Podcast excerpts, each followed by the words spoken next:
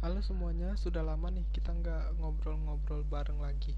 Nah, bagi teman-teman yang mungkin bertanya, eh, podcast malam minggu kali ini akan diganti menjadi podcast eh, Indo-Pasifik. Jadi, podcast malam minggu sudah berganti nama menjadi eh, podcast Indo-Pasifik. Mengapa? Karena eh, lebih pengen memfokuskan diri pada satu regional yang masih baru, yang hangat dan ramai sih diperbincangkan akhir-akhir ini. Nah, uh, selain daripada itu yang menarik dari sesi kali ini kita tidak akan membawa bintang tamu atau pembicara lainnya karena uh, kita cuma pengen bicara soal apa sebenarnya tuh Indo-Pasifik. Jadi pengen memperkenalkan dulu kalau istilah akademisnya tuh ontologi.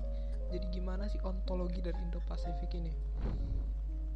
Nah, uh, karena sendiri ya jadi nggak punya lagi nggak bawa teman siapa-siapa sebenarnya pengen cerita-cerita sedikit aja apa sebenarnya Indo-Pasifik dan mengapa menjadi penting kayak gitu.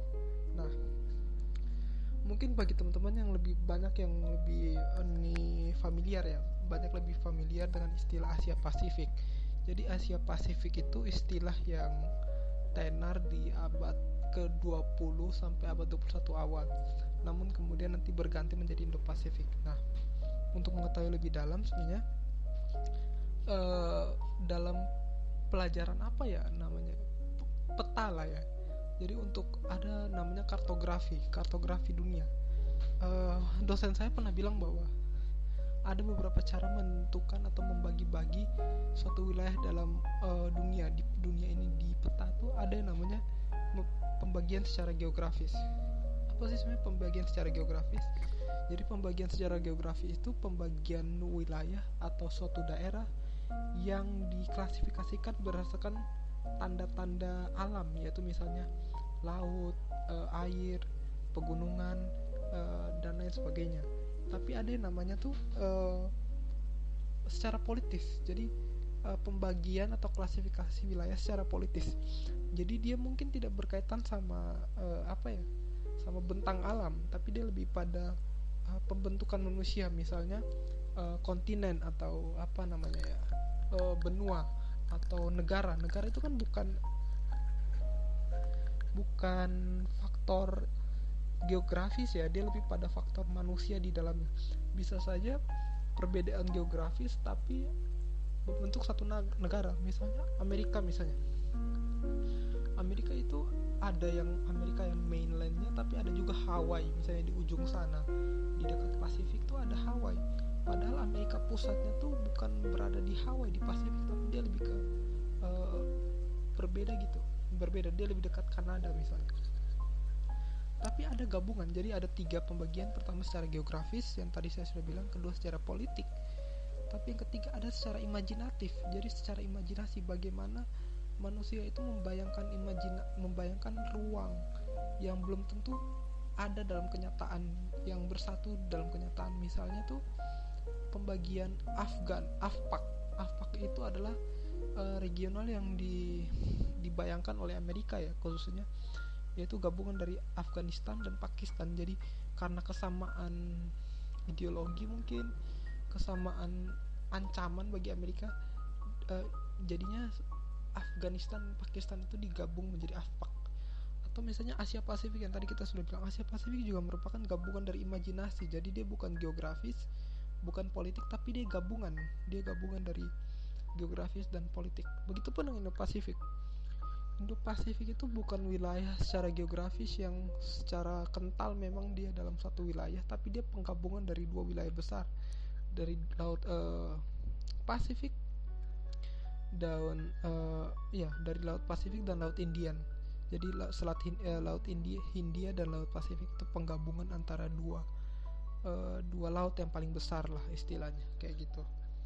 Nah tapi selain daripada itu uh, menurut pertimbangan geografis secara pertimbangan geografis, selain dari pertimbangan geografis ada juga yang namanya pertimbangan apa ya fungsional. Jadi bagaimana Indo-Pasifik itu memberikan fungsi memberikan tujuan bagi atau mewadahi tujuan-tujuan politis misalnya berkaitan sama interconnectedness jadi keterhubungan atau interdependence kesaling uh, terikatan kesaling bergantungan antara baik uh, baik uh, melalui globalisasi, perdagangan, dan uh, banyak lagi.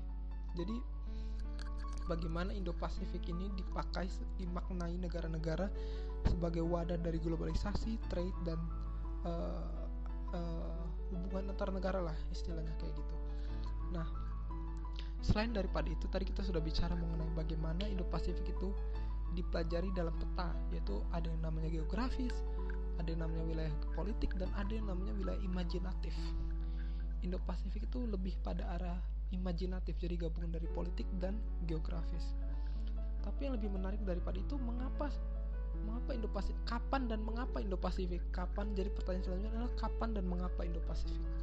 Masih berkaitan sama ontologi tadi ya. Jadi sebenarnya uh, Indo-Pasifik itu uh, pertama kali di, uh, diperkenalkan dalam tulisan ilmiah dalam tulisan ilmiah dalam tulisan ilmiah itu pertama kali diperkenalkan oleh seorang India namanya Gurpreet Kurana 2007 dalam tulisannya berjudul Security of uh, of Sea Lines Prospect for Indian Japan Corporation. Jadi di situ si Gurpreet Kurana pada tahun 2007 itu dia sebenarnya lagi pengen menjelaskan bagaimana garis-garis uh, laut yang prospeknya itu bagus ke depannya itu yang garis-garis yang menghubungkan antara Selat Hindia, Laut Hindia dan Laut Pasifik. Samudra Hindia dan Samudra Pasifik. Terutama Pasifik Barat ya. Jadi dari perairan lepas Asia Timur hingga Asia Tenggara itu yang Kurana maksudkan sebagai Indo-Pasifik. Tapi dari tahun 2007 kemudian bergeser lagi uh, lebih terkenal lagi. Itu dibawa oleh konsepnya dibawa oleh Stephen Smith. Stephen Smith itu dia seorang uh, menteri pertahanan Austra Australia pada tahun 2012 dia bilang dalam saringlah dialog ya dalam saringlah dialog itu dia mem memberikan atau menjabarkan pentingnya Indo-Pasifik karena dia uh, bilang bahwa implikasi atau dampak dari pergeseran historis Indo-Pasifik itu akan menjadi kunci. Kenapa? Karena di Indo-Pasifik itu ada beberapa negara besar dan penting. Misalnya di situ ada Tiongkok, ada India, ada Indonesia misalnya dan bahkan ada Amerika Serikat yang ikut bermain di uh, Indo-Pasifik. Kenapa menjadi ikut bermain dalam Indo-Pasifik dan uh, kapan ya? Istilahnya kapan itu menjadi penting. Jadi begini teman-teman, uh, pasca pasca perang dingin, pasca perang dingin itu yang kawasan yang paling menjadi daya tarik itu adalah Asia uh, Timur Tengah ya. Jadi Timur Tengah itu menjadi pusat dari gravitasi politik dunia. Kenapa? Karena pasca perang dingin misalnya banyak perang proksi di sana. Jadi eh, perang-perang antar negara yang didukung oleh dua kekuatan besar jadi kekuatan liberalismenya Amerika Serikat dan kekuatan komunismenya uh, Rusia misalnya uh, Uni Soviet pada saat itu. Jadi selain daripada itu pasca uh, eh, 9/11 jadi peristiwa pengeboman uh, di menara kembar uh, Wall uh, World Trade menara kembar ya di Amerika Serikat maka teroris uh, perang melawan terorisme itu menjadi sangat-sangat masif sehingga uh, Timur Tengah yang dilabeli atau kental dengan politik terorismenya itu kemudian menjadi apa menjadi sasaran atau menjadi target sehingga eh, regional Timur Tengah itu menjadi target dari gravitasi dunia. Namun pasca 9/11 kemudian negara-negara terlalu berfokus pada Timur Tengah, kemudian Amerika Serikat dan negara-negara besar lainnya baru menyadari bahwa Asia Timur, Asia Tenggara, Asia Selatan itu kemudian menjadi kekuatan ekonomi baru.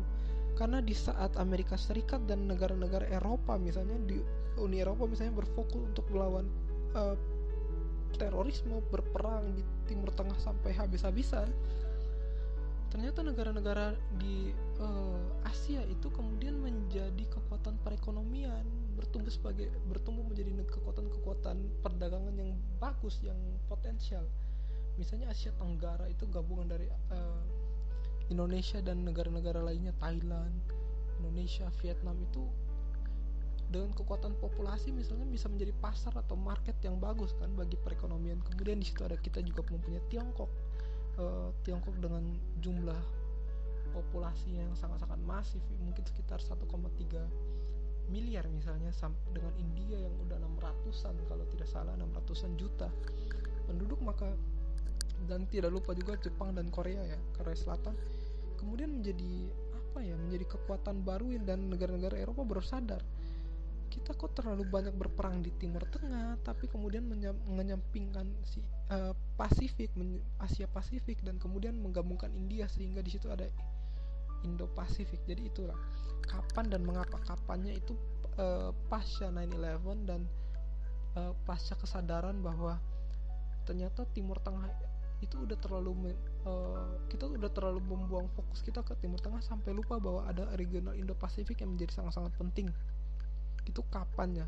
Kemudian dengan uh, si Donald Trump misalnya mengeluarkan mengeluarkan kebijakan free and open Indo-Pacific dan lain sebagainya. Nanti deskripsinya saya ya deskripsi saya itu nanti banyak menjelaskan tentang rivalitas antara Amerika Serikat dan Tiongkok di Indo-Pasifik melalui kebijakannya. Tuh kalau di Amerika Serikat namanya Free and Open Indo-Pacific terus kemudian kalau di Tiongkok itu namanya Chinese Dream nanti mungkin pada kesempatan yang lain akan saya akan menjabarkan bagaimana dua kekuatan negara ini bagaimana uh, Free and Indo-Pacific dan Chinese Dream itu bertemu kemudian menjadi rival yang begitu kuat di di regional. Tapi kemudian lanjut lagi masih membahas tentang ontologi.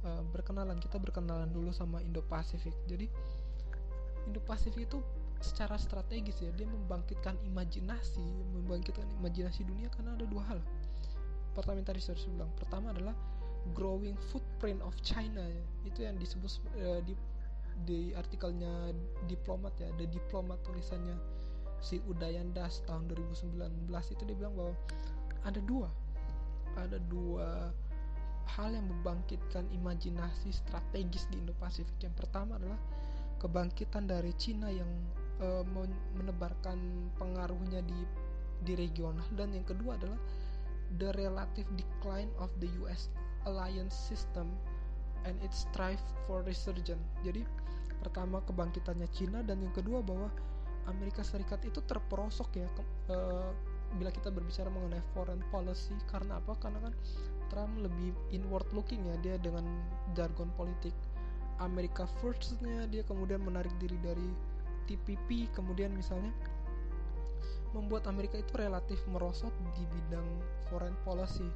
Itu juga yang kemudian merenggangkan ikatannya dia dengan aliansi-aliansi yang lain aliansi Amerika Serikat sehingga uh, kemudian pada saat ini Amerika mulai kembali lagi untuk apa ya uh, berjuang kembali untuk mempertahankan hegemoninya misalnya di Indo-Pasifik. Jadi ada dua kebangkitan Cina dan usaha Amerika Serikat untuk mempertahankan hegemoni. Jadi kalau kita bicara soal kebijakan foreign policy ya, selalu ada namanya untuk maintaining status quo, untuk mempertahankan status quo atau keadaan. Dan yang kedua adalah untuk revisionism. Jadi dia ingin merubah keadaan. Yang satu ingin mempertahankan keadaan, yaitu Amerika Serikat, dan yang satu ingin merubah keadaan, yaitu Cina di Indo-Pasifik. Jadi itu dua yang uh, membuat kenapa kebangkitan imajinasi Indo-Pasifik itu menjadi kental khususnya di uh, hubungan internasional kayak gitu. Nah mungkin sampai di situ dulu kali ya. Jadi kita tadi kita uh, banyak bicara mengenai uh, pembagian peta yang berdasarkan geografis berdasarkan politik dan berdasarkan imajinasi. Terus kita bicara soal kapan dan mengapa. Jadi kapannya itu tadi kita sudah bicara mengenai uh, perang melawan terorisme Timur Tengah yang menjadi pusat gravitasi kemudian nanti berpindah ke Indo-Pasifik dan terus mengapa mengapa Indo-Pasifik menjadi penting itu ya karena peperangan atau kontestasi hegemoni di sana. Ada banyak negara yang berkepentingan. Kita bisa bayangkan misalnya perdagangan dunia itu 90% melalui jalur laut. Sedangkan yang menghubungkan laut-laut menghubungkan Amerika Serikat si negara produsen dengan negara-negara marketnya itu kan marketplace-nya tuh ya yang menghubungkan itu adalah perairan Indo-Pasifik ya. Jadi Indo-Pasifik itu secara ekonomi penting, secara strategi misalnya, strategis penting misalnya dengan kasus Laut Cina Selatan misalnya itu membangkitkan emosi atau apa ya patriotisme Tiongkok tapi di sisi lain eh, Amerika Serikat juga ingin ikut campur tangan di situ uh, itu misalnya dari segi, segi ekonomi iya segi keamanan iya segi ideologi juga bisa bisa jadi. Uh, karena kan misalnya uh, Tiongkok dengan proyek BRI yaitu Belt and Road Initiative kan uh, apa ya selain ingin mempromosikan uh, perekonomian mempersekan dia juga ingin mengembalikan jalur sutra kan. Sedangkan Amerika Cina ini menjadi kekuatan sosialisme uh, komunisme partai komunis Tiongkok tapi dengan komunis tapi dengan apa ya kapitalisme negara lah istilahnya. Itu kan menjadi ideologi juga kan. Kita bisa melihat bagaimana uh, ideologi juga bisa jadi menjadi membuat sentimen Amerika Serikat yang membangun sistem Bretton Woods dengan liberalismenya tuh bisa menjadi ancaman juga. Nah mungkin nanti kita bisa melanjutkan ke apa ya ke skripsinya saya mengenai rivalitas hegemoni uh, Tiongkok dan Amerika Serikat melalui kebijakan Chinese Dream yang tadi dengan dan Free Indo, Indo Free and Open Indo-Pacific. Itu mungkin nanti tapi uh, saat ini cuma pengen bilang itu bagaimana Indo-Pasifik menjadi sangat penting. Dan untuk selanjutnya mungkin podcast uh, Indo-Pasifik ini akan lebih memfokuskan ke Amerika Serikat, Tiongkok dan bila ada teman-teman yang ingin uh, apa ya ingin mendapatkan hal lain dari Indo-Pasifik, mungkin studi kasus lain teman-teman bisa langsung beritahu saja biar mungkin kita bisa cari pembicara yang tepat untuk membahas hal tersebut. Oke. Okay. Kira-kira uh, kita sampai di situ aja. Terima kasih buat teman-teman yang sudah mendengarkan. Sampai jumpa.